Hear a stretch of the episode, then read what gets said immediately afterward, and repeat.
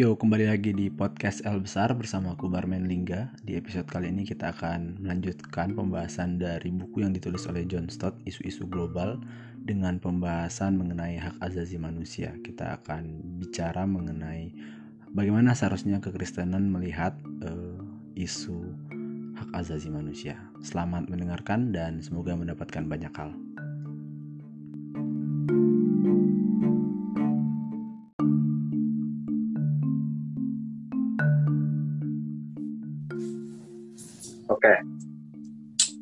Kita masuk ke dalam bab 7 buku isu-isu global yang ditulis oleh John Stott. Ya, isunya yang kali ini akan dibahas adalah uh, HAM, hak asasi manusia. Uh, ketika kita bicara HAM, uh, kita berarti sedang membicarakan nilai keberhargaan dari manusia. Uh, pemahaman dan gagasan mengenai keberhargaan manusia ini secara apa ya, secara de facto lah kalau kalau bilang. Secara de facto sudah ada dan disadari sebenarnya sudah sejak lama. Kalau John Stott memulai dengan bagian ini di awal dia bilang sudah ribuan tahun ya. meski meski begitu uh, kenyataannya hal ini baru kayaknya diregulasi ke dalam hukum gitu terminologi hukum yang hari ini kita sebut HAM itu dalam waktu yang kalau menurutku cukup terlambat gitu abad 20 katanya gitu di bagian atas. Ya meski demikian regulasi hukum ini tidak lepas begitu saja dari celah untuk dikritik. Misalnya yang disampaikan oleh Mary Robinson, uh, komisaris tinggi PBB, dia bilang uh, ada tiga hal. Yang pertama, hmm, ada anggapan bahwa HAM adalah tudingan negara-negara Barat kepada khususnya negara-negara berkembang mengenai kegagalan mereka yang memberikan keadilan sosial. Gitu singkatnya sih kayak gitu kayaknya pertama. Yang kedua ya pembahasan atau layer atau segmentasi pembahasan HAM itu masih sangat terbatas pada hal-hal yang sebenarnya dinilai tidak fundamental. E, katakanlah seperti ini e, sipil publik gitu hak-hak sipil publik kebebasan berekspresi berserikat dan beragama dan lain-lain sebagainya. Sedangkan sebenarnya ada hal-hal mendasar lain yang harusnya masuk ke dalam pembahasan ini. Misalnya hak hak pangan, hak atas pangan, hak atas pendidikan dan kesehatan. Nah, kedua keduanya sama pentingnya dan Alkitab memberikan uh, perhatian baik uh, ketika kita bicara kemiskinan dan juga penganiayaan. Jadi bukan cuma satu sisi saja gitu. Mengabaikan keduanya berarti penghinaan terhadap tujuan Allah itu sendiri bagi manusia. Itu kira-kira.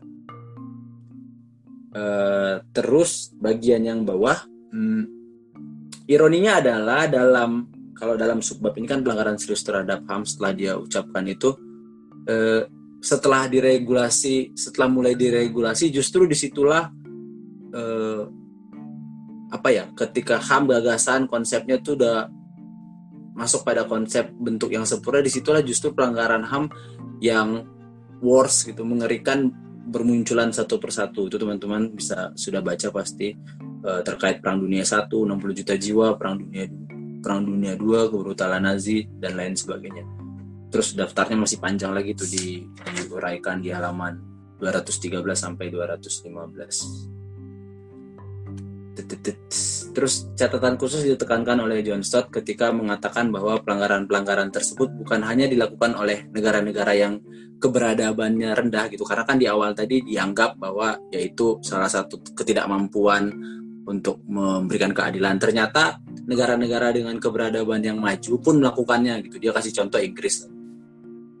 Meski dalam bentuk yang seolah-olah lebih kecil gitu, lebih mikro. Misalnya dalam proses interogasi pelanggaran HAM.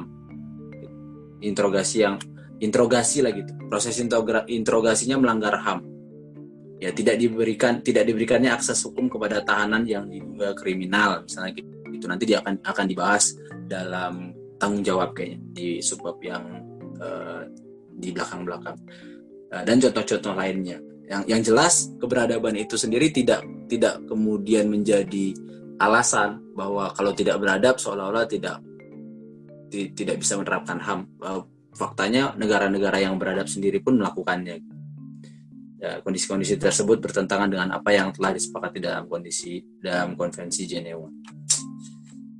Uh, kemudian uh, munculnya HAM ini masih masuk latar belakang dan juga pendahuluan. Ya pada setiap masa tentu gagasan mengenai konsep HAM itu selalu dipikirkan dalam rangka memenuhi kebutuhan orang-orang pada zamannya. Dia kasih contoh dari zamannya Plato dan juga Aristoteles sampai puncaknya dalam era Perang Dunia II gitu. Isu mengenai hal ini HAM itu benar-benar jadi pembahasan penting. Uh, tapi sejak dulu memang itu udah dipikirkan gitu, digumulkan, di, di, di, didiskusikan oleh orang-orang uh, di pada setiap zaman konsep yang dipaparkan Presiden Roosevelt uh, bahwa HAM itu melingkupi empat ke, ke kebebasan utama ini kan terkait dengan Perang Dunia II yakni kebebasan berbicara, berekspresi, kebebasan beragama, kebebasan dari kemiskinan dan kebebasan dari rasa takut. Nah, itu konsep itu empat kebebasan utama dalam yang harusnya melingkupi HAM, hak asasi manusia.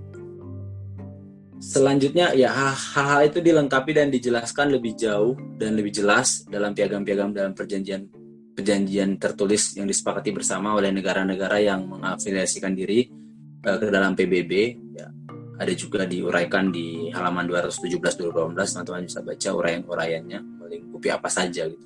Yang jelas secara garis besar itu uh, bicara soal empat hal yang disampaikan oleh Presiden Roosevelt ini kebebasan berbicara, berekspresi, kebebasan beragama, kebebasan dari kemiskinan dan juga kebebasan dari rasa takut ya tapi yang menarik kalau menurutku uh, John Stott meng-highlight realita di mana perjanjian-perjanjian yang piagam tersebut sebenarnya yang nggak guna kalau cuman berjanji aja tapi tidak dilaksanakan. Eh, Hanya dibilang namun harus sampai pada tahap melaksanakan apa yang sudah dijanjikan dan disepakati.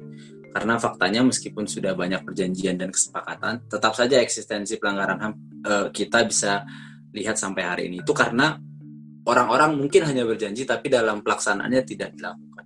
Itu bagian yang di highlight dan stop. Ya mungkin itu itu saja teman-teman sebagai pengantar dan latar belakang mengenai HAM dari bab 7. Kemudian kita akan melihat uh, apa yang Alkitab dan kekristenan katakan mengenai hal ini. Ya, sama seperti bab-bab sebelumnya, uh, kekristenan sendiri memiliki ketegangan karena kalah ini ada ada yang beranggapan kalau di halaman berapa itu ya? Nah di halaman 218 itu ada yang menganggap bahwa eh, tanggung jawab itu tanggung jawab kita itu sebagai orang Kristen adalah lingkup yang kecil saja gitu terhadap satu sama lain aja. Ada juga yang melihat bahwa dominasi HAM bisa membuat berkurangnya tanggung jawab manusia terhadap dirinya sendiri tentunya gitu. Dan juga ada yang beranggapan bahwa HAM merupakan unsur terpenting sehingga gereja perlu serius menanggapi, melestarikan, dan menyebarluaskan gagasan ini. Itu ada ketegangan tiga hal ini dalam kekristenan ketika menanggapi soal HAM. Ya untuk menganalisa eh, ketegangan-ketegangan itu katakanlah ya, maka kita perlu menjawab pertanyaan-pertanyaan dasar kata John Stott seperti asal HAM itu sendiri apa, dari siapa gitu. Terus HAM meliputi apa saja? Dan jika memang ada, apa yang bisa dikontribusikan kekristenan terhadap isu ini? Ya untuk menjawab untuk bisa menganalisa menganalisa ketegangan ketegangan tadi ya kita perlu kembali menjawab pertanyaan-pertanyaan dasar ini kemudian hmm, ya yang menarik lagi John Stott itu memulai jawaban atas pertanyaan-pertanyaan itu dengan statement Thomas Paine seorang deisme kalau tadi baca-baca di keterangannya berarti deisme itu satu tingkat di atas agnostik lah ya. Iya atau enggak nggak tahu juga. Kayaknya sih iya. Pemahamannya diambil dari itu membuka membuka gitu membuka membuka bagian ini dengan statement dari seorang deisme justru ya menurut de, menurut Thomas Paine HAM bukanlah sesuatu yang diraih dan diciptakan manusia eh, atau pemerintah dan penguasa ya HAM merupakan satu kesatuan dengan manusia ketika proses penciptaan. Jadi dia sepaket sebenarnya, bukan sesuatu yang pada akhirnya ditemukan atau diberikan. Berarti pertanyaan mengenai asal HAM adalah dari Allah dan dikaruniakan kepada kita oleh Allah itu sendiri yang telah menciptakan manusia. Itu untuk jawaban dari pertanyaan hmm, mendasar yang diajukan Johnson. HAM itu asalnya dari mana? Ya, dan ini menjadi penting karena pengaruh filsafat relativisme dan pemikiran sekuler membuat HAM itu menjadi tidak memiliki dasar yang kokoh untuk kemudian dihidupi. uh, komitmen ini kalau kata Gary Hugen di halaman berikutnya uh, itu membuat HAM tuh menjadi terombang ambing. Kemudian hmm, yang menarik lagi itu keberanian yang dimiliki oleh gerakan yang mendukung HAM dilandasi oleh kalau dia bilangnya intuisi. Jadi semacam ada kesadaran dari dalam diri gitu intuisi moral yang disadari ataupun tidak berakar dan bersumber dari komitmen yang dimiliki oleh Kristen Yahudi terhadap nilai-nilai kebenaran mutlak. Etika. Ya intuisi terhadap moral ini membuat pergerakan perjuangan HAM sendiri menjadi lebih terarah. Kira-kira begitulah kalau aku tidak salah menafsirkan apa yang ditulis di halaman 218-219. Lanjut, teman-teman. Hmm, ya, dia juga bilang benar bahwa tanpa kemutlakan moral, HAM bisa menjadi semacam agama sekuler. Nah, seperti yang disampaikan Michael Knife tadi bahwa HAM bukanlah kredo, bukanlah keyakinan, dan inilah fenomena yang ada hari ini. Ketika ya aktivis-aktivis HAM aku lihat sih, aku aku aku sih mengira meyakini itu HAM itu sebagai kredo jatuhnya gitu. Ketika HAM dianggap sebagai keyakinan justru menambah kebingungan bagi orang-orang yang beragama. Orang-orang yang beragama. Karena orang-orang yang beragama punya keyakinan. Da, dari pemaparan halaman 22 220 sampai 2021 gitu aku mengartikannya bahwa eh, harusnya HAM itu sendiri bisa lebih cair kayaknya ya, tahu ya. Sehingga tidak bertentangan ketika diintegrasikan gitu ke dengan agama dan budaya. Nah, contohnya dia kasihnya Al-Qur'an dan Alkitab lah. Yang mencontoh Al-Qur'an yang menilai bahwa deklarasi universal HAM yang dinilai justru cenderung ke barat-baratan ya tidak mewakili universal justru dan sepertinya mengabaikan kondisi dan konteks masing-masing agama dan budaya. Ya, secara khusus meng-highlight paragraf pertama pada halaman 221 uh, yaitu dia bilang keinginan untuk dilindungi dari perlakuan kejam atau keinginan untuk mempunyai akses terhadap perlindungan hukum atau pendidikan bukan berarti bahwa kita ingin menjadi orang barat dalam hal pakaian bahasa atau sikap ya contohnya apa kalau contohnya apa? Contohnya mungkin kayak sikap sinis kita terhadap jilbab lagi. Ada ada aku lihat tuh kawan-kawan kawan-kawan kak Grace tuh mereka feminis feminis gitu ya berpikir bahwa jilbab tuh me mengekang. Jilbab tuh mengekang. Terus poligami juga. Aku nggak tahu kak Nur masih sepakat nggak sama statementnya sendiri. Bisa jadi poligami itu kalau kata kak Nur ya membantu membantu kan saling berbagi bagi tugas gitu. itu itu dulu tuh sebenarnya yang apa pengekangan gitu hmm. pengekangan terhadap kebebasan perempuan tapi kalau misalnya terus ada yang apa kan ibaratnya ilmu baru namanya pasca kolonial nah hmm. pasca kolonial itu gitu jadi kamu mengatakan bahwa jilbab itu mengekang e, perempuan itu karena kamu memandangnya sebagai orang barat yeah. tapi bagi orang e, apa perempuan yang ber, itu bukan pengekangan gitu. Sudut pandang perempuan yang berjilbab ini e, yang diangkat nah itu apa pas feminis pasca kolonial istilah. Yeah. itu, itu apa maksudnya? Itu bukan pengekangan gitu. Hmm. gitu Oke, okay. hmm, itu contoh yang terpikirkan di aku tadi teman-teman sebangsa dan tanah air. ya karena kan kadang-kadang ketika ngomongin HAM kita standarnya satu doang itu ya biasanya negara daya lah ya. Ketika itu diterapkan di daerah-daerah yang yang ya ber, asing ya pasti asing bagi mereka gitu aku nggak tahu ya konteks ke Papua itu sama atau nggak bisa diterapkan atau nggak gitu maksudnya memberikan fasilitas memberikan semua eh, apa namanya itu pembangunan yang merata itu merupakan hak bagi mereka iya. Padahal mungkin bisa aja belum belum tentu tapi nggak tahu juga bisa dibawa ke arah situ atau nggak. Lanjutlah dulu ya. Nanti tolong dikomentari. Kemudian eh, Nah, itu dilanjutkan maka maka dari itu diskusi mengenai HAM harus bersifat antar budaya. Kalau dia bilang bahasa HAM adalah bahasa moral yang harusnya menjadi upaya menjelaskan apa yang benar dan baik gitu. Harusnya bicara HAM itu bicara soal apa yang benar dan yang baik. Tentu kebenaran dan kebaikan yang absolut lah, ya bukan untuk kebaikan satu pihak gitu.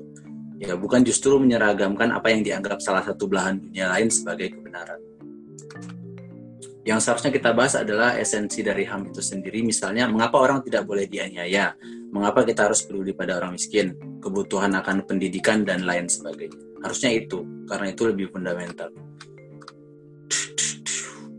Namun HAM bukan saja muncul ketika manusia dalam kondisi terancam, eh, nah ini masuk ke dalam kehidupan sosial manusia. Eh, HAM juga berfungsi untuk memberi pemahaman ketika kita bicara tentang tatanan kehidupan manusia itu sendiri gitu ya teman-teman. Ya untuk mengerti hal tersebut ya Johnson menuliskan tiga hal yang bisa merangkum hal tersebut. Yang pertama itu martabat manusia, kedua kesederajatan manusia dan ketiga tanggung jawab manusia. Ya, tanggung jawab manusia ternyata jadi bagian paling panjang dijelaskan di bagian ini. Oke, pertama martabat manusia. Hmm, ya ada tiga alasan. E, pertama dia bilang kita adalah makhluk yang segambar dengan Allah. Gambar ilahi kita cukup gambar ilahi kita ilahi kita itu mencakup rasional, moral dan spiritual yang mengungkapkan sesuatu tentang siapakah Allah. Oleh karena itu, mendengarkan kabar baik dan penginjilan dari penginjil dan ahli juga merupakan ham sebenarnya. Mengenal, mengasihi dan melayani Allah dan pemahaman ini adalah secara natural dalam naruriah orang-orang sepanjang sejarah contohnya pandangan yang Thomas Paine tadi seorang deisme kan ada gitu pemahaman itu secara natural dalam dirinya terus juga Eh, poin-poin dalam deklarasi kemerdekaan Amerika 1776 yang tadi sudah dijelaskan juga. Yang kedua, Allah merupakan pribadi yang sosial. Ya, ini sesuai dengan konsep trinitas di kejadian juga disebut soal ya baiklah kita menciptakan dan lain sebagainya. Dia ber, bersosialisasi gitu. Ya dengan dengan begitu kita pun demikian. Kita harus uh, demikian terhadap sesama bersosial. Ngomongin martabat. Terus yang ketiga, hubungan kita dengan bumi uh, beserta makhluknya. Ya, Tuhan memberikan kita kuasa untuk merawat dan memelihara. Uh, ini berhubungan dengan hak manusia untuk bekerja, beristirahat, hak berbagi sumber daya bumi dan lain sebagainya. Ya, aku kira sih tepat sekali, aku setuju. Jadi singkatnya, semua hak manusia harus dilandasi oleh hak untuk menjadi manusia sejati dulu. Dengan hak untuk menikmati martabat sebagai manusia yang segambar dengan Allah Ya karena sebelum ngomongin soal hak manusia harusnya memang bicara soal manusia itu sendiri dulu. Uh, dan satu hal yang penting untuk ditambahkan, hmm, ya dia dijelaskan soal inkarnasi Kristus lah ya. Karena ya lagi-lagi Johnson adalah seorang teolog telah mengembalikan ya, inkarnasi Kristus itu mengembalikan nilai manusia yang berdosa dan pemahaman ini bukan saja memulihkan pandangan orang terhadap dirinya tetapi juga memulihkan pandangan orang terhadap orang lain. Jadi kompleks. Ya, sehingga hmm, HAM menjadi sangat mungkin untuk diperjuangkan kalau tidak salah menafsir sih harusnya begitu. Seperti kata William Temple pada halaman 224 teman-teman bisa baca contoh yang diberikan kalau kata cukup wadah oleh gerakan prison fellowship itu. Hmm, ya bagaimana seharusnya memperlakukan tahanan di penjara benar bahwa ada hak yang bisa dihilangkan sebagai konsekuensi kejahatan dari tahanan tapi tidak dibenarkan juga untuk menghilangkan semua haknya. Itu kenapa menurutku kekristenan aku nggak tahu ya kekristenan secara menyeluruh apakah menolak hukuman mati atau enggak. Tapi udah pasti menolak lah sebenarnya kalau mengikuti pemahaman ini. Kita menolak hukuman mati. Karena itu bukan hak kita. Kayaknya begitu ngambil nyawa orang ya kritiknya pada kekristenan ada pada halaman 225 paragraf terakhir. Teman-teman bisa baca. Lagi-lagi John Stott tidak melupakan kritik terhadap gereja. Jangan-jangan katanya gereja juga jadi yang pertama melakukan ketidakadilan itu. Itu saja untuk bagian yang martabat. Kemudian kita masuk ke kemudian eh, kesederajatan manusia. Kesederajatan manusia itu halaman 226 ya dosa membuat pemahaman hak manusia menjadi hakku gitu ya. Dari hak hak kita jadi hakku. Jadi punya keakuan itu. Dan ya ketegangan itu terus berlanjut. Dan kita menegaskan bahwa tidak ada individu yang berkuasa memaksakan kehendaknya terhadap masyarakat. Pun sebaliknya. Karena kan ketegangannya biasanya kayak gitu. E, kepentingan negara itu untuk untuk kalau di Indonesia ya biasanya kan gitu gusur gitu terus yang merasa tergusur juga akan protes ini kenapa kami digusur? Tapi kalau Alkitab memberikan contohnya itu ya tidak ada yang bisa melakukan itu kedua belah pihak. Alkitab menegaskan bahwa tidak ada individu yang berkuasa memaksakan kehendaknya terhadap masyarakat pun sebaliknya. Alkitab menjelaskan hal itu dari banyak kisah, misalnya orang lemah dilindungi oleh hukum Musa. Kalau PB, ya contohnya adalah bagaimana Yesus memperlakukan, memandang semua manusia sama, uh, tidak memikirkan uh, strata sosial dan lain sebagainya. Yesus bergaul dengan yang kaya, yang miskin, yang sehat, yang sakit, Yahudi, Samaria, dan lain sebagainya. Terus contoh-contoh lain yang Alkitab berikan dalam halaman 228 dan 229 itu mengenai raja-raja perjanjian lama. Daud, Ahab, Yoyakim itu benar-benar eh, harus dihormati karena mereka raja, tapi bukan berarti mereka bebas untuk menggunakan kekuasaan mereka untuk melakukan tirani. Ya, Alkitab menceritakan kalau di halaman 228 29 dijelaskan soal Eh, raja-raja itu yang akhirnya ditegur, dihukum gitu dengan jelas. Misalnya Daud yang uh, menggunakan kekuasaannya untuk mendapatkan Bathsheba dan membunuh Uria. Akhirnya kan dia mendapatkan konsekuensi itu. Ya, hal ini kontras dengan diktator-diktator hari ini yang bersikap sewenang-wenang dengan kekuasaan. Aku tidak tahu presiden-presiden hari ini gimana, mungkinkah begini. Terus yang ketiga itu tanggung jawab manusia yang merupakan bagian paling panjang penjelasannya. Ya karena ini aplikatif lah ya bentuk. Ya bagian ini mulai dengan tuntutan untuk memiliki keseimbangan bersikap antara hak dan juga tanggung jawab. Ini kayak jadinya menarik e, karena semuanya sebenarnya sama-sama ngomongin hak, tapi dalam diri kita sendiri ada yang namanya kewajiban juga. Alkitab sendiri didasari oleh hukum terpenting yang merupakan penekanan untuk tanggung jawab. Sebenarnya Yesus menyampaikan di Matius 22 ayat 40, kasihilah Allah dan kasihilah sesama. Kita memiliki hak, namun tanggung jawab kita juga harus bisa melihat hak orang lain. Kita punya hak, tapi kita juga punya tanggung jawab untuk melihat hak orang lain. Seandainya semua orang punya pemikiran begitu, dunia akan damai ya teman-teman.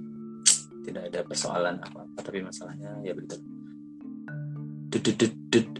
ya dia pakai statementnya Nicholas Walsh, Walsh, Walter Stroff halaman 230 paragraf 3 teman-teman bisa lihat ini berarti ketika kita hanya fokus pada hak kita, kita akan cenderung menjadi egois dan melahirkan ketidakadilan. Namun dengan juga memikirkan hak orang lain yang adalah tanggung jawab kita, hak orang lain itu tanggung jawab kita gitu.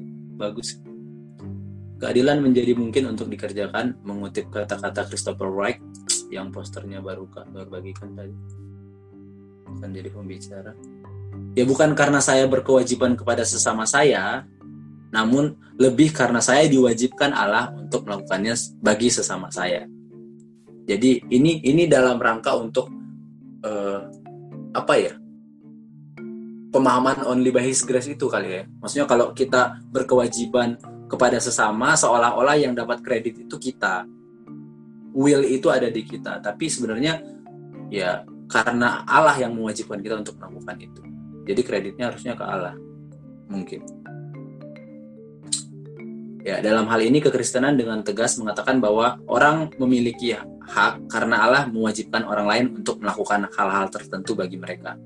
Kolaborasi hak dan tanggung jawab inilah yang menjadi tawaran kekristenan di tengah-tengah ketegangan yang sejak tadi kita bahas. Ya meskipun kalau menurutku pemaparan 232 itu ya teman-teman soal uh, Buddha gitu.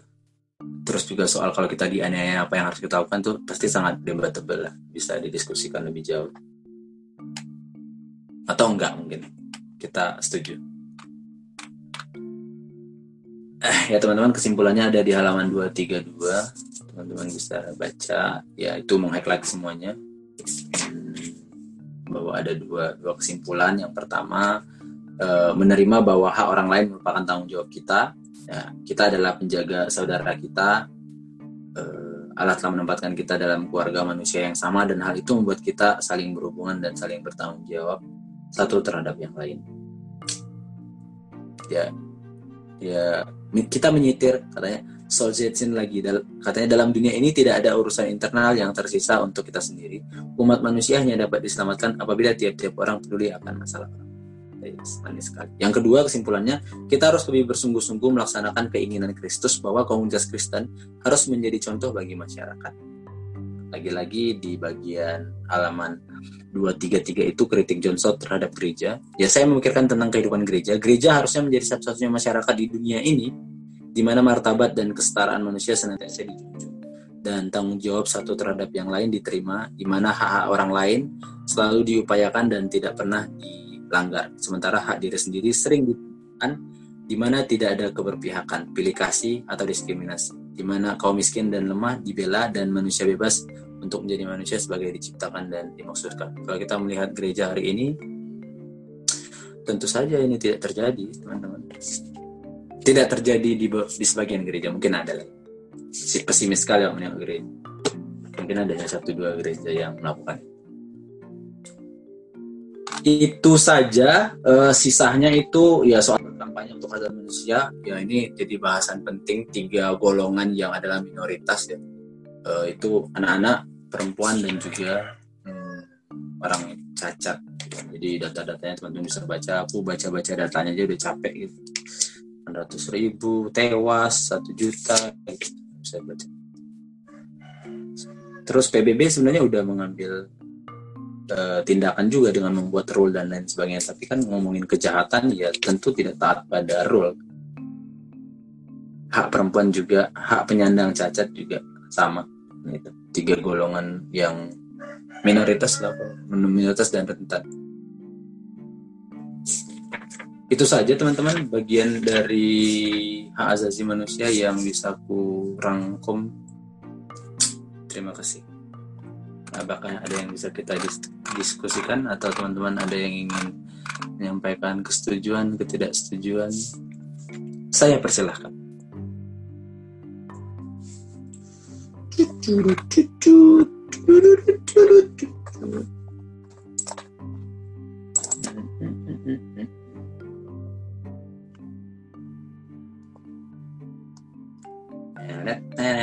yang cukup debatable ya untuk didiskusikan?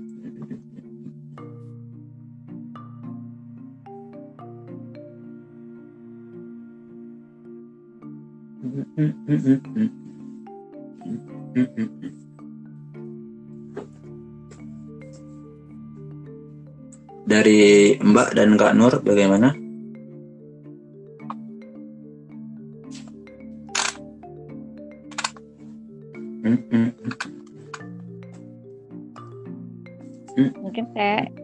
Nyampein ya, isi buku ini ya mungkin teman mungkin bertanya-tanya apa yang ditulis di buku sebelumnya gitu ya. Nah, di buku sebelumnya uh, secara garis besar hampir sama gitu ya. Cuma tadi bagian yang sebelum membahas tentang tiga hal tadi ya martabat, kesederajatan manusia dan tanggung jawab tadi. Nah, bagian yang uh, menyoroti bahwa HAM itu lebih ke cenderung pro ke barat gitu ya. Nah itu itu nggak nggak dibahas di sini belum sampai pembahasan itu. Mungkin itulah tambahannya gitu. Hmm. Hmm. Kalau yang bagian-bagian lainnya sih uh, kurang lebih hampir sama. Cuma terjemahan-terjemahannya aja. Misalnya dia kutip pendapat siapa gitu kan. Itu pas dia menerjemahkan di sini uh, bahasanya nggak sama persis gitu. Hmm. Itu sudah di lebih ini ya di lebih diperbaiki terjemahannya.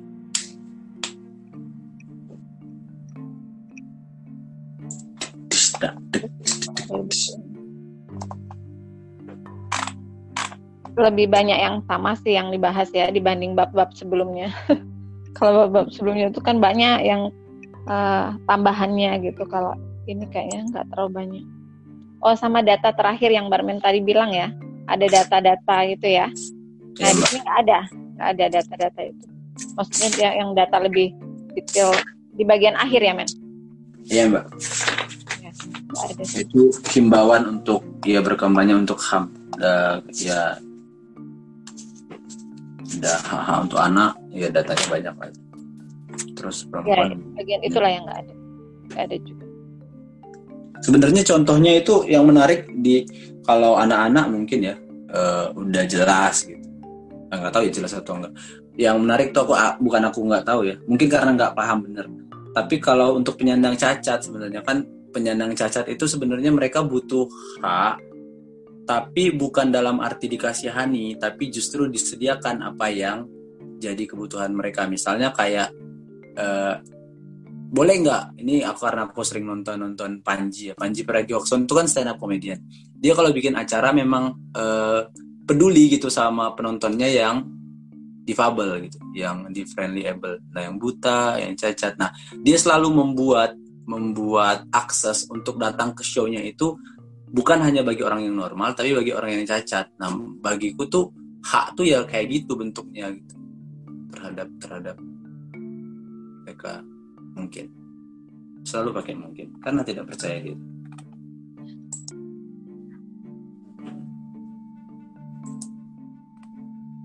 mau bilang bahwa ya akan susah di negara-negara berkembang kayak Indonesia negara Indonesia udah negara maju ya. Negara berkembang lah gitu agak susah. Tapi ternyata di luar negeri juga gitu. Berarti bukan masalah negaranya.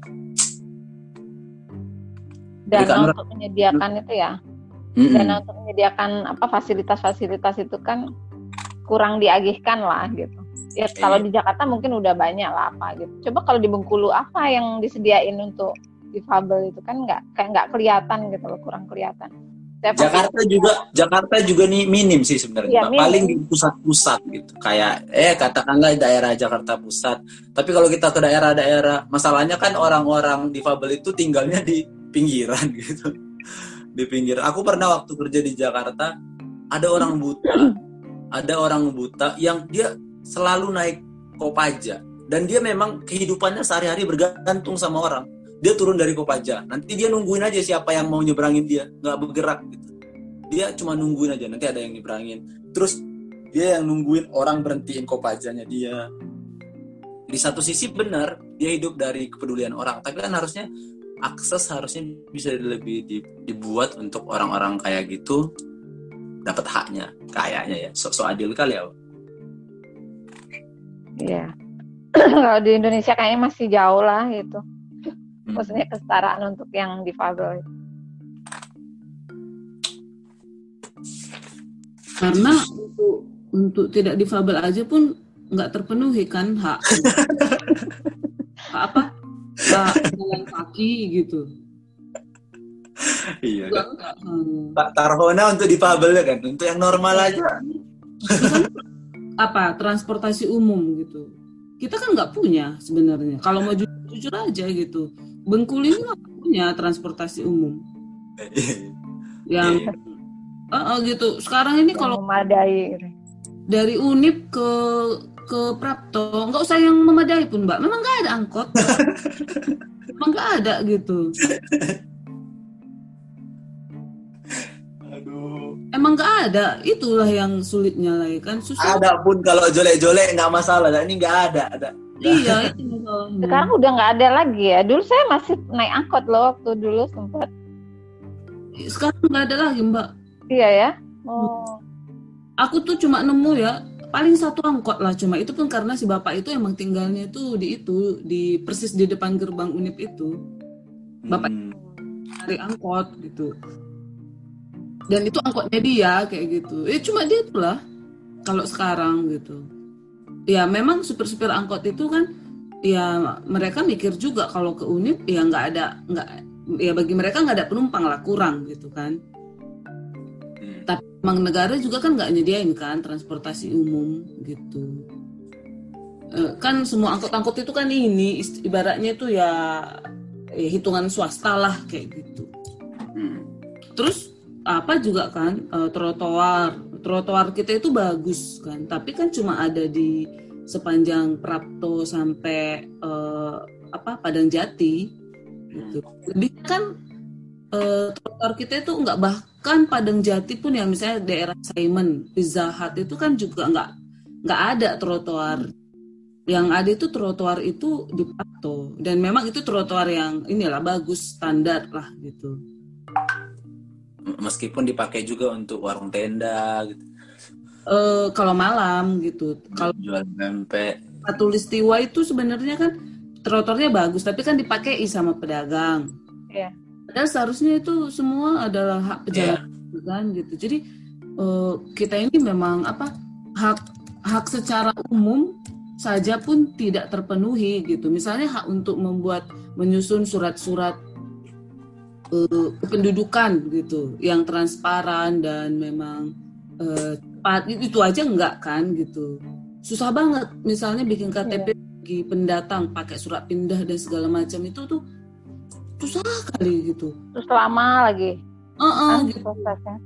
uh, sebenarnya kalau misalnya udah aku sekali memang gitu tapi ternyata kan nggak semua secepat itu. Kalau sampai dukcapil itu cepat sebenarnya tapi di kelurahan. Nah itu kelurahan kita ini nggak sama semua. Jadi ternyata nggak bisa aturan itu ada tapi ternyata nggak bisa memaksa PNS di pihak di kelurahan itu untuk bekerja dengan standar yang sama gitu. Jadi hak warga negara itu yang secara umum saja pun ya jujur aja gitu.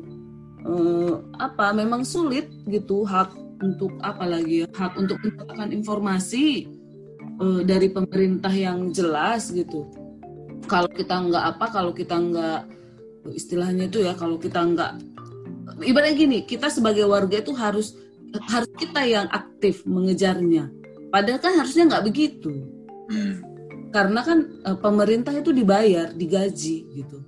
Ya harusnya mereka bekerja bukan lagi dong bila menyalahkan warga. Ya makanya jangan kena hoax loh itu tuh mana gitu. Terus makanya jaga, masker lah menyalahkan gitu. Uh, ya memang pada dasarnya pemerintah sebagai pengelola negara yang diberikan hak untuk mengelola negara dengan uang yang banyak uh, justru mereka harusnya bekerja dengan jauh lebih baik dari yang sekarang kayak gitu. Hmm. itulah mereka nyalahkan kalau kita kemakan hoax. Padahal sumber informasi mereka bisa kontrol kan sebenarnya Iya iya kalaupun oke okay, kalaupun nggak dikontrol gitu karena itu menyalahi apa gitu kan. Tapi setidaknya mereka juga gencar memberikan mengimbangi gitulah mengimbangi informasi dari uh, televisi televisi swasta gitu-gitu. Ya mereka lakukan apalah gitu lakukanlah segala hal yang terbaik. Nggak mengontrol oke okay, tapi ya mengimbangi kecepatan kerja gitu. Kecepatan kerja para uh, apa orang-orang media swasta yang yang bertanggung jawab katakanlah gitu. Ya ya yang ini gitu. Terus belum lagi uh, apa internet gitu. Ya maksudnya uh, pemerintah itu kan punya segala sumber daya yang di, diperlukan untuk melakukan tugasnya dengan semaksimal mungkin harusnya gitu. itu orang banyak gitu. Maksudnya kan eh, PNS itu banyak uang juga cukup gitu. Kita tidak berada dalam keadaan negara yang kekurangan uang gitu. Kemarin kan eh, rapat apa koordinasi PPPC kan ada bang itu Peter Jacob kan. Bang Peter itu bilang eh, kita itu kita ini sudah dua dua dua kali triwulan itu reset apa negatif kondisi keuangan negara. Nah, kalau udah tiga kali itu uh, berarti uh, negara harus mengumumkan uh, harus uh, telah berada pada masa resesi gitu. Dan kita ini pada triwulan ketiga. Kalau triwulan ketiga ini kita negatif, maka kita secara teknikal itu masuk resesi. Nah, tapi kata Bang Peter, uh, itu secara teknikalnya kita resesi. Tapi negara kita pemerintah masih punya uang yang sangat banyak. Makanya bulan Oktober dan November nanti itu bakal banyak BLT gitu untuk ekonomi. Karena negara kita belum masuk pada posisi bangkrut gitu. Jadi uang masih banyak gitu. Terus kenapa kau tidak melakukan segala sesuatu? Yang bisa kau lakukan harusnya gitu. Iya gitu. Uh, karena uang masih banyak gitu. Cuma kan gitu ya karena pem, karena entah di jajaran mana gitu uh, pemerintah kita entah PNS bagian mana yang uh, lamban atau nggak uh, tahu apa yang harus dilakukan gitu-gitu itu yang aduh kayak mana cuy? Ya, sulit deh. Hmm. mau kita bilang semua ada juga yang bertanggung jawab kan ya? Iya uh -uh, gitu. Makanya di di bagian mana kok bisa gitu. Memang sulit kali sih ya. Atau kayak mana lah.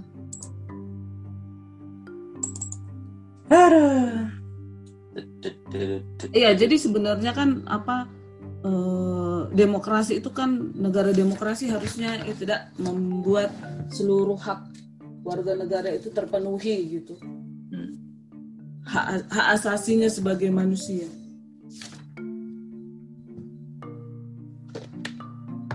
makanya kayak ada kemarin itu yang ngebahas apa tuh di cancelnya RUU PKS tuh alasan salah satunya kan apa terlalu sulit untuk memikirkannya. Apa apa? Kan ada kan salah satu yang ngurusin RUU PKS terus hmm. mengcancel itu dengan alasan karena terlalu sulit untuk dipikirkan. Oh, iya, iya. Kan itu kan dia sangat tidak bertanggung jawab ya. So, dia udah digaji terus Alasannya. sulit. Iya. sulit masa sih? Sebenarnya gajinya... karena banyak kepentingan sih. Iya pasti. Uh -uh. Maksudnya nggak bisa cari narasi lain gitu. Alasannya itu cari kan, yang lebih bisa diterima gitu. menunjukkan ketololannya sendiri gitu. Dan dia dengan tidak masalah menunjukkan itu kan Aish. Itu dia menghina menghina konstitusi kita sendiri kan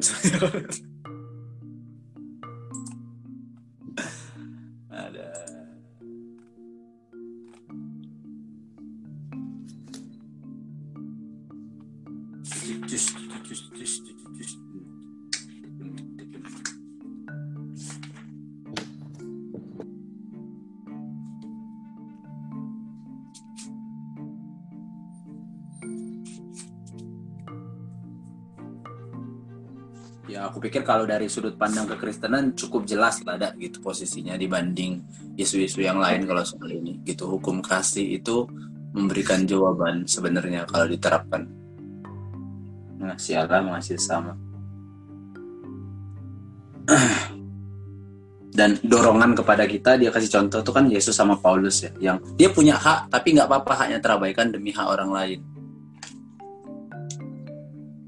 itu gimana ya kalau misalnya akak nanya uh, kan kita meneladani Yesus. Terus ketika hak kita di misalnya diambil orang bukankah kita juga harus bersuara gitu? Itu yang itu yang tadi aku bilang agak debatable mbak. Uh -uh. ya kan maksudnya kan kalau kita kan perlu juga bersuara gitu gitu kan. Aku pikir aku pikir haknya itu uh, yang yang cukup misalnya kayak gini mbak kayak ini contohnya Selin lah ya Selin. Uh, Selin itu kan pernah ditekan sama seniornya ka karena dia tidak memberikan contekan gitu. Dia tidak mencontek dan tidak memberikan contekan. Nah dia nanya ke aku aku harusnya kayak mana melawan? Kalau kataku diem aja nanti dia akan tahu sendiri. Dan pada akhirnya memang dia apa pun yang dibilang sama kakak tingkat itu dia enggak enggak aja diancam juga enggak enggak aja. Tapi kan kenyataannya enggak diancam juga gitu. Enggak enggak enggak membahayakan dia juga. Aku pikir untuk case-case yang uh, begitu tapi nggak tahu lah ya. Nggak tahu. Kalau menurut mbak dan kakak kayak mana mungkin memang per kasus ya maksudnya. Nggak bisa. Masalahnya gini kan kan memang kita perlu juga bersuara gitu. Kan misalnya ada yang berlaku nggak adil gitu kan kepada yang misalnya dia suka atau gimana dikasih nilai tinggi sementara hasilnya hasil uas misalnya hasil UTS kita udah jelas-jelas memenuhi standar misalnya A misalnya gitu. Nah sebenarnya itu kan nggak apa-apa kita bersuara gitu ya. Nah tapi kalau misalnya apa ya mungkin konteks lainnya itu yang seperti yang Yesus alami demi demi demi sesuatu akhirnya dia rela merelakan haknya gitu. Tapi kalau yang tadi konteksnya tentang apa namanya nilai kita ke dosen itu kan nggak ada. Kita tidak sedang misalnya demi siapa akhirnya ya udahlah nggak apa-apa gitu nilai kita gitu. Ngerti nggak maksudnya? Jadi maksudnya kalau ada yang memang kita demi sesuatu ya udahlah kita dulukan orang lain misalnya gitu kan demi demi orang lain itu bisa merasakan sesuatu atau mendapatkan sesuatu oke okay lah haknya kita relakan hak kita gitu mungkin Tapi kan jadi hak itu juga hak itu kan juga melingkupi kenyamanan mbak jadi yeah. kalau misalnya kenyamanan kita diambil untuk kenyamanan orang lain kalau okay. dari pemaparannya ini ya harusnya sih kayak gitu ya tidak menuntut ya karena kan haknya haknya Tuhan nggak tahu lah aku nggak tahu bingung aku tapi kan kalau misalnya tadi itu kan misalnya jadi kecurangan dosen misalnya kan maksudnya ke ketidakadilan dosen misalnya gitu nah itu kan kita nggak ada perlu untuk mendahulukan haknya dosen kan gitu. Oh iya iya iya. Ya kan kayak gitu. Termasuk Selin tadi misalnya contohnya kan kita nggak ada keperluan untuk mendahulukan hak hak kakak-kakak angkatan ini gitu. Hmm. Jadi tergantung konteks gitu ya. Kalau misalnya dalam kasus Selin apa hak kakak tingkatnya? Ya aku tadi miss soal itu sih. Dia kakak tingkatnya tuh tidak ada hak. Sorry sorry. Iya. Iya, nggak nggak ada haknya itu nggak ada. Yang aku pikirkan hak Selin doang gitu yang dirampas. Hmm. Sedangkan kakak tingkat itu kan jadinya eksploitasi kan. Iya, sebenarnya si kakak-kakak tingkatnya itu sedang berpikir bahwa dia punya kekuasaan. Nah, sekarang kalau kita ambil contoh keperbudakan yang dijelasin di awal mantiku tuh gimana kak? Hmm. Makanya tadi aku pas baca itu gimana ya? kan jatuhnya gitu kan? Apa hak tuan gitu? iya. Kan? Nah. Sama seperti apa kemarin itu ada ini kemarin Twitter kan ada ini dosen mengeluh tentang mahasiswa. Eh, nah, si dosen ini uh, apa? Justru banyak yang menguliti pas di Twitter. Mereka bilang seharusnya dosen melakukan apa? Melakukan kewajiban dan secara profesional dan tidak baperan hanya karena si mahasiswa itu misalnya uh, apa istilahnya itu uh, kurang sopan gitu, kurang sopan ketika meminta ngubungin uh, si, si si dosen itu ini itu menggunakan kekuasaannya sebagai dosen untuk uh, apa untuk apa istilahnya itu bertindak sesukanya gitu. Ya terserah dia kapan belajar. Nah gitu. Hmm. terserah dia mau ngasih nilai kayak mana. Berdasarkan uh, ini jadi kadang kan dosen itu main gitu ya. Maksudnya subjektivitasnya yang dipakai berdasarkan standar moralnya sendiri standar sopan dan tidak sopan gitu. Padahal ya Seharusnya tidak gitu. Dia harus bisa membedakan dirinya secara personal dengan dirinya sebagai seorang dosen gitu. Kalau dirinya sebagai dosen ya harus jujur-jujuran aja, hilangkan kemanusiaanmu misalnya. Bahwa misalnya kau tidak suka kepada si mahasiswa A atau kepada si mahasiswa B. Selama si mahasiswa itu melakukan tugasnya sebagai mahasiswa, eh, eh, lakukanlah tugasmu sebagai seorang eh, do, eh, dosen walaupun misalnya kau sedang kehilangan apa istilahnya itu ya? Maksudnya ya aku sakit hati loh dia bilang begini gitu. Ya ya ya, ya setuju. Uh, gitu. Ya nggak bisa gitu. Ya kau harus lakukan tugasmu gitu. Ya itu yang orang-orang bilang misalnya jangan baperan lah gitu. Tapi sebenarnya mau apa ya memang pada dasarnya ya hilang ya maksudnya ya memang uh, kita harus bisa membedakan. Itu bukan persoalan personal gitu. Ketika si mahasiswa itu ngechat dan minta uh, ini kejelasan dalam hal ujian, kejelasan dalam hal kuliah dan kejelasan dalam standar uh, nilai gitu. Itu hak mahasiswa. Gitu. Yeah. Kau kehilangan ini istilahnya itu rela lah menghilangkan eh, perasaan-perasaan. Aduh, kok kayaknya nggak sopan ya dia ngechatnya gitu. Yeah. Kayak gitu. Nah kalau kasus Selin mah aku bingung juga itu ya itu kan kurasa memang si mahasiswa tua itu menggunakan segala cara lah untuk bisa lulus gitu. Tapi kalau misalnya hak, minoritas di negara kita misalnya kayak uh, apa yang uh, agama minoritas, kemudian apa lagi? Hmm, difabel,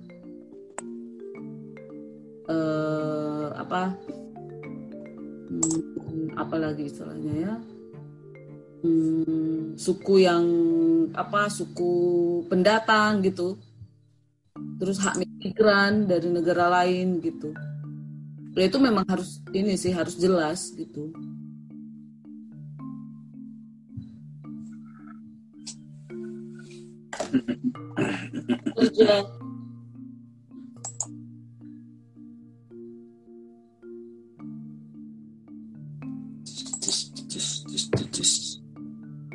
aku nggak tahu juga sih sekarang ada nggak sih perbedaan antara ini perbedaan ham ham PBB ketika baru disusun menjelang eh pasca perang dunia kedua dengan sekarang gitu sekarang kan perang hmm, apa ya perang itu semakin semakin apa sih semakin Minim.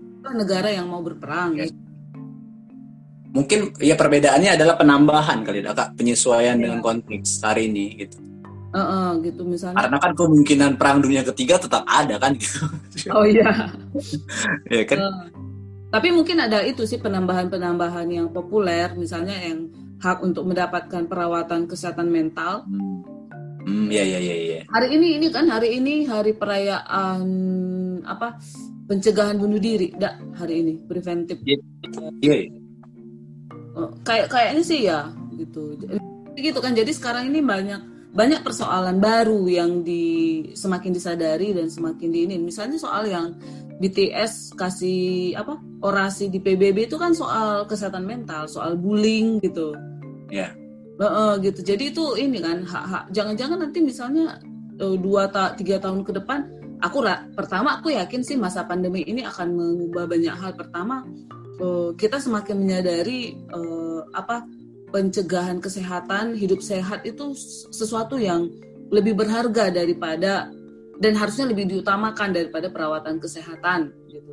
Kemudian hak untuk bebas dari bully dan toxic positivity, kemudian uh, kesehatan mental sama itu udah hak untuk hidup bahagia. Jangan-jangan itu udah ada nanti kan hak untuk hidup bahagia gitu. Bisa jadi kalau misalnya kebutuhannya adalah itu kan.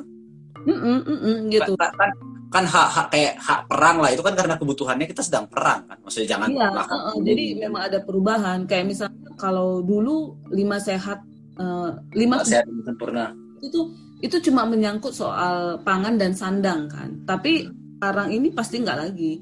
Uh, Orang kaya juga depresi kok gitu gimana? Iya selain itu memang ini internet adalah kebutuhan dasar sekarang gitu. Nggak nggak peduli kalau miskin apa kaya, internet adalah kebutuhan dasar gitu. Itu sama, udah menjadi sama dengan kebutuhan apa uh, istilahnya itu ini kebutuhan sandang dan pangan gitu. Uh, uh, jadi sekolah ya kita akan pakai internet, uh, mencari informasi juga kebutuhan internet untuk ter, ter apa ter, tetap terkomunikasi dengan orang lain itu juga ya pakai internet gitu. Jadi bisa jadi kita semua akan kayak sekarang ini kan maksudnya ya satu-satunya cara untuk berkomunikasi dengan dunia luar adalah internet bukan dengan bertemu gitu. Iya. Jadi itu kebutuhan dasar jadinya kan jadi banyak perubahan sih dan uh, apa ada uh, ya dibutuhkan juga kayaknya aku tadi aku udah kepikiran sih isu-isu global ini membutuhkan penulis baru hmm. iya kan uh, ya, yang ya. yang lebih relevan lah ya gitu contohnya iya, uh, dan sangat dan sangat ini budaya populernya kita ini sekarang budaya populer itu lah yang kehidupan kita sehari-hari kayak gitu-gitu. Ya persoalannya bisa jadi berbeda. Mungkin nambah dak. Iya. Uh, kayak Sa sampai sampai ada itu kan jokes di internet itu katanya suatu saat krisis pangan itu akan tidak semengerikan krisis, krisis storage gitu, krisis memori penyimpanan dan lain-lain. Iya gitu-gitu. Anak-anak kan kalau laptopnya udah merah semua penyimpanan udah, udah mulai panik kan, mana lagi dinyimpan iya. file. HP juga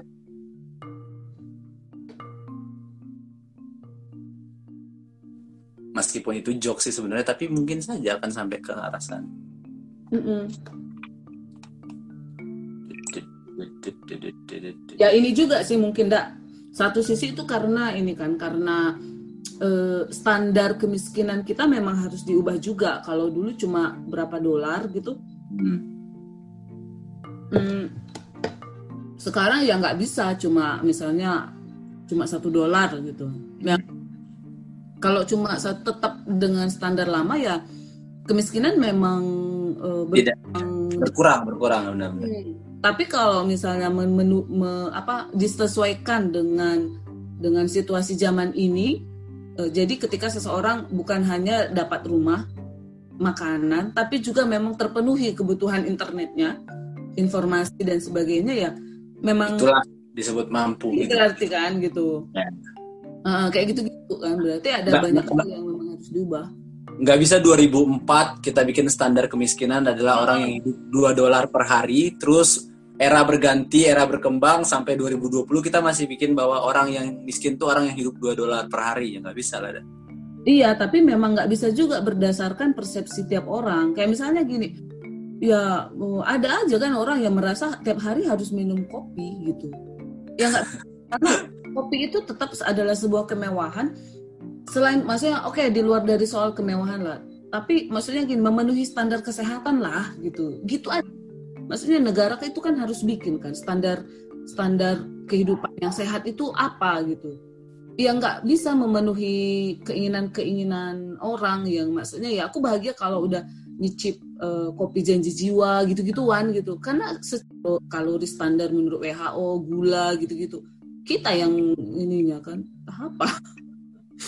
Ya tapi misalnya kayak asupan maksudnya gini standar beras beras mana sih yang banyak dikonsumsi masyarakat? Apakah masih beras beras apa ya beras zaman dulu itu gitu yang dikasih ke PNS itu loh? Bulog. Ah, dolok. Ya, bulog, bulog itu gitu-gitu ya. Seharusnya, Namanya dolok kayak. Uh, uh, yang kalau dimasak itu nggak pernah nempel gitu kan? Ya. ya, jadi kayak gitu. Jadi kurasa, nah negara kita kan nggak bikin, nggak gitu jadi semua bergerak sesukanya. Kalau kemarin tuh di Twitter aku malah pernah lihat uh, dia tinggal di Paris orang Indonesia. Dia bikin uh, Paris itu Le Prancis itu ternyata bikin stand uh, hal-hal yang harus dilakukan oleh orang tua untuk perawatan anak gitu. Jadi negaranya tuh bikin standarnya. Misalnya uh, anak jangan selalu dibiarkan setiap menangis itu didatangi gitu-gitu. Hmm. Standar merawat anak gitu. Terus anak itu harus dapat apa aja, asupan gizinya apa aja. Kemudian eh, kehadiran orang tua itu seperti apa gitu. Misalnya mereka makanya mereka misalnya begitu anak lahir eh, harus bikin kamar sendiri kan buat si anak. Iya. Yeah. Nah, kayak gitu. Jadi anak itu tidak tinggal bersama si orang tua setiap malam. Terus kalau si anak nangis eh, jangan langsung didatengin gitu kayak gitu. Jadi mereka bikin standar untuk kesehatan fisik dan mental si anak. Kayak gitu. Jadi ada standar gitu dibuat negaranya. Standar pengasuhan anak. Kayak gitu. Terus kalau kalau Korea setauku eh, dokter itu adalah profesi yang sangat dihormati. Dan karena itu mereka me, ini dan supaya dokter tetap dibayar mahal gitu. Jadi dokter itu kan ada rasio kan. Kalau di Indonesia rasionya dokter satu dokter untuk 600 orang gitu. Untuk 600 orang. Kalau di Korea itu enggak, lebih kecil. Jadi mereka tetap menjaga rasio. Rasio hmm. dokter versus penduduk. Nah, karena itu semua kampus nggak bebas membuka fakultas kedokteran. Gitu. Jadi di eh, fakultas apa eh, kampus mana aja yang bisa membuka fakultas kedokteran dan berapa orang setiap tahun do, uh, calon dokter. Hmm. ada rasionya jadi ada angka uh, gitu. Jadi kampus itu nggak bebas itu untuk menjaga kualitas dan menjaga supaya uh, rasio tetap terjaga sehingga gaji dokter itu tidak akan pernah turun gitu. Naik boleh tapi turun nggak bisa. Kayak gitu. Jadi kan apa sih aturan negara itu jelas gitu. Dan itu memenuhi hak kan?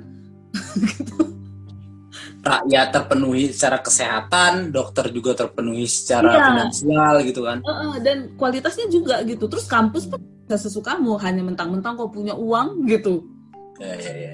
Uh, jadi bukalah kedokteran, cari dosen kan kampus swasta bisa kan kayak gitu. Ya. Nah tapi mereka nggak bisa. Berarti dari sistemnya sendiri udah diawasi kan gitu. Nah iya, jadi sistem itu diatur oleh negara, terus diawasi, kontrol, evaluasi. Nah itu kan planning, planning, eh iya, yeah, plan. Controlling dan evaluasi. Uh -uh, gitu. Uh, rencana pelaksanaan, uh, kontrol, evaluasi gitu. Jadi itu semua ada gitu. Nah kita kan nggak, mungkin aja negara kita punya, tapi kita yang nggak tahu mungkin. Masalahnya itu kita nggak tahu apa-apa mungkin ini kak. Maksudnya kan biasaan pemerintah kita itu gitu oh semangat kali ya kalau bilangin pemerintah yang tuan maaf Ke, kebanyakan kan tidak mau kalau kata orang tuh tidak mau membuat sebuah karya yang legasinya itu panjang. Paling dia cuma bikin karya yang sesuai dengan umur ketika dia menjabat.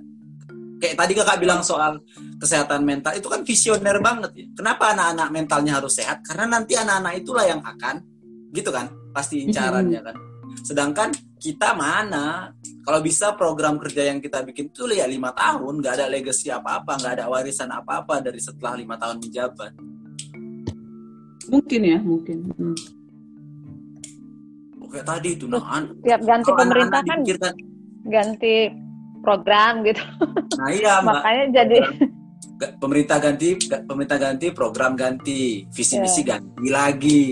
Iya. Gitu, kan terus. Jadi nggak ada yang mencapai maksimal dan bermanfaat jangka panjang gitu. Iya. Kayak anak tadi iya. saya mau kepikiran gitu kesehatan mental anak. Nggak mungkin dia cuma memikirkan keluarga kalau nggak sasarannya bahwa ini anak-anak nanti akan jadi tonggak yang melanjutkan bangsa ini kan gitu kan pasti. Iya. Uh -uh itu yang diincar masalahnya ya, tau lah tempat kita ini agak susah padahal sebenarnya kita punya ini kan punya satu sistem kesehatan kita yang bagus banget yaitu puskesmas. Hmm iya.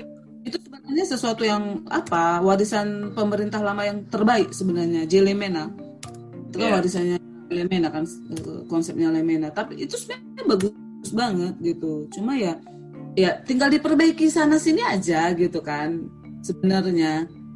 Butuh integrasi aja gitu ke daerah-daerah ya, pedalaman gitu. Tapi itu pun tidak dan ini kan apa uh, kualitas apa kualitas pendidikan dokternya perawatnya pelayanan ya tinggal uh, uh, tinggal di itu kan aja. Kalau apa? fasilitasnya juga. Dari si Widodo dan Donda itu aku tahu bahwa uh, ternyata uang untuk puskesmas itu besar kali gitu. Dan itu cukup cukup banget katanya. Makan berlebih gitu. Sampai di pelosok itu pun uh, segala alat bagi mereka malah gini kadang-kadang alat itu nggak diperlukan gitu. Perlukan karena di daerah itu uh, tidak selalu ada jenis penyakit yang membutuhkan alat-alat tertentu itu. Kayak gitu. Karena itu jarang dipakai atau bahkan nggak diperlukan gitu. Mereka sendiri apa ini cuma pengadaan yang penting ada pengadaan barang aja gitu kan. Tapi Eh, bahkan sekarang puskesmas di beberapa tempat yang sangat kecil pun itu memenuhi syarat dan uh, sumber daya yang cukup untuk perawatan inap gitu. Iya, udah rata-rata udah ada IGD. Uh, uh, gitu. Jadi dia upgrade gitu. Jadi sebenarnya kalau soal itu oke okay banget gitu. Oke okay banget. Cuma ini ketersediaan dokter kita tetap kurang. Satu dokter untuk 600 orang itu tuh kebanyakan gitu. Iya. Tanyakan kali tuh. Dan karena ini juga karena beberapa dokter spesialis itu kan tidak lagi eh, apa, tidak lagi sama fungsinya dengan dokter umum kan. Hmm. Nah sementara banyak dokter kita itu yang ngejar spesialisasi gitu karena memang ini juga sih dalam berapa tahun ini kan ini terbuka banget gitu uh, apa beasiswa dan lain-lain. Uh, uh, uh, uh. Karena rumah sakit daerah itu kalau mau upgrade ya butuh dokter spesialis ya. Gitu. Nah jadinya tapi gini dokter umum kita yang senior sedikit jadinya. Hmm.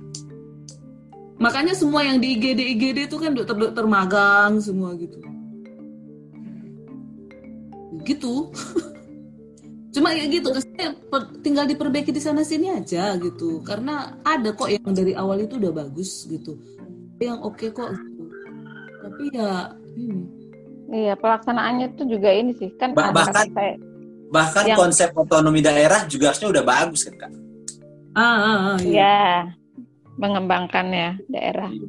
sesuai iya. dengan ini masing-masing ya iya ada kok yang itu gitu yang bagus juga gitu kan Cuma pelaksanaannya sih memang masih kayaknya ini enggak sih apa kadang-kadang saingan-saingan pemimpin uh, daerah kalau udah beda partai sama presiden itu tuh aduh gila kali kurasa iya iya nggak nggak mau mendukung ya iya itu aduh malah apa kayak sengaja gitu supaya pemerintah pusat menjadi salah gitu. Iya kelihatan kes kekurangannya kayak gitu. Oh, oh gitu. Itu tuh kejam kali bagiku. Maksudnya di grup aja ya Pak ya, itu di grup di grup ini kantor itu itu jelekin hmm. pemerintah aja gitu loh karena kan di daerah Bengkulu ini kan nggak nggak banyak yang se, sejalan dengan Jokowi gitu jadi grup kantor tuh sampai kayak gitu jelek-jeleknya gitu. tapi itu tergantung ini juga mbak kurasa apa kepala dinas Iya, kepala iya, iya, iya, iya, sangat tergantung. Hmm. Iya. Sebenarnya aku nggak masalah jelek-jelekin Jokowi tapi harus sadar ya semua orang juga bertanggung jawab untuk kondisi yang buruk nah ini. itu itu uh, uh, itu itu kalau ini cuma- enggak kan gitu. Iya, adanya Emang cuma sengaja jelekin, ah, jelekin aja, tapi mereka nggak berbuat juga kan, nggak berbuat apa. Gitu. iya emang kesempatan gitu kan. Aduh pikir kayak tadi kakak bilang sistem puskesmas tuh bagus.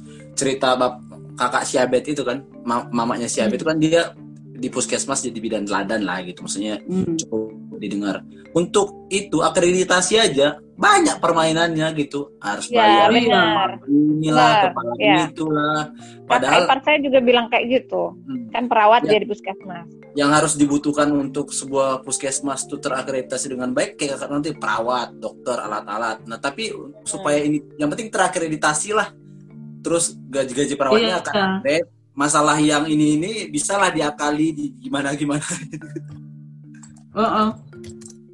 Karena Tapi ini memang itulah satu harus ada setoran-setoran itulah yang buat mereka pusing juga Oh, gitu iya, loh. Mbak.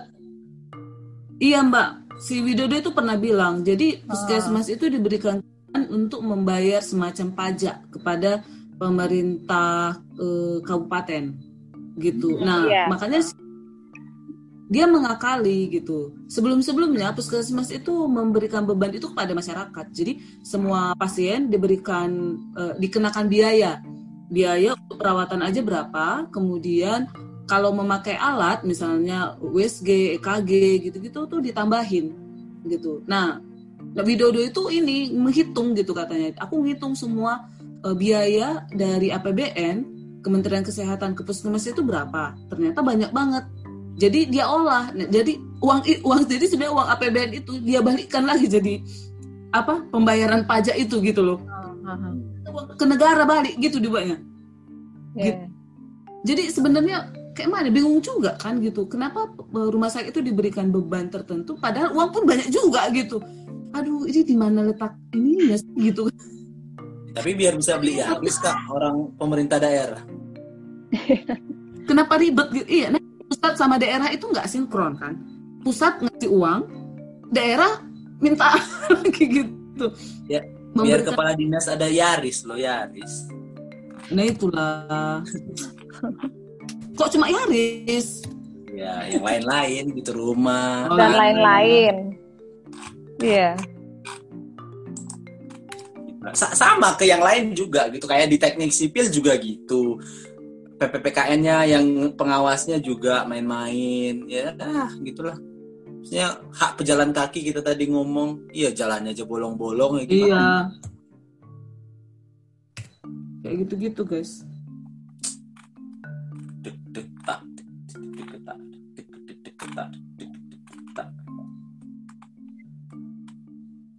Apa? Jadi sebenarnya hak-hak kita untuk hidup hidup sebagai apa mas, manusia sejahtera. Nggak usah pun sejahtera pun ah. Manusia normal pada umumnya gitu. iya nggak usah pun sejahtera berdasarkan tingkat konsumsi ala negara maju gitu kan. Ya hal-hal besar aja pendidikan yang agak murah tapi berkualitas misalnya. Atau inilah pendidikan di eh, sekolah negeri SMP negeri SMA negeri yang eh, dan kampus negeri yang berkualitas. Kemudian SD negeri SMP negeri SMA negeri yang kualitasnya eh, jangan jumplang misalnya gitu. Itu kan hak sebenarnya hak hak warga untuk mendapatkan pendidikan yang berkualitas gitu. Tapi tapi yang diberikan kesempatan yang berkualitas yang diberikan kualitas itu hanya dua sekolah gitu. Ya memang terjadi persaingan mengerikan kan. Nggak sehat lagi gitu. Jadi orang-orang yang masuk Lain itu merasa bodoh banget memang waktu ketemu anak SMA 2, SMA 5 kayak gitu. Anak SMP mana uh, minderan sama anak SMP 1. Itu tuh masa remaja kita udah minderan itu kan kasihan sebenarnya, Dak. Aku tuh Iya, Pak. dan aku pun termasuk orang yang pernah mengalami gitu kan. Apa waktu aku masuk SMP 1, sekeluarga aku itu seneng gitu. SMA 1, keluarga aku itu senang gitu. Terus sementara paribanku sepupuku yang, yang tidak masuk SMP 1 adekku adekku nggak berhasil masuk SMP 1 tuh jadi merasa emang emang aku bodoh gitu. Kan aduh ini ra- negara ini mau bikin rakyatnya jadi apa sih gitu. Sudah sudah dimulai dengan rasa minder gitu ya kayak mana? Iya ya uh -uh. apa? Cak mana nih Ian gitu kan. Padahal nah udah gitu yang di SMP 1 ini pun kayak aku dulu uh, merasa minderan juga ketika ketemu sama anak uh, berdasarkan kelasnya lagi gitu. Yeah. uh, kau kalau misalnya cuma anak satu berapa gitu tuh udah nggak ini gitu. Terus ini lagi kan jadi memang ada yang nggak sehat dalam dunia dunia per, per, per kehidupan kita sebagai warga negara ini gitu kayak kita masuk kelima masuk kedua itu kayak uh pusat keberadaban gitu. Laptop anak-anaknya pakai MacBook Apple. Tiba-tiba kayak nah, sama oh kayak hutan. Nah yang kayak gitu gitu kan. Tiba-tiba kayak SMA 9 anak-anaknya masih ada yang ngelem masih ada yang ya cak mano lagi dikece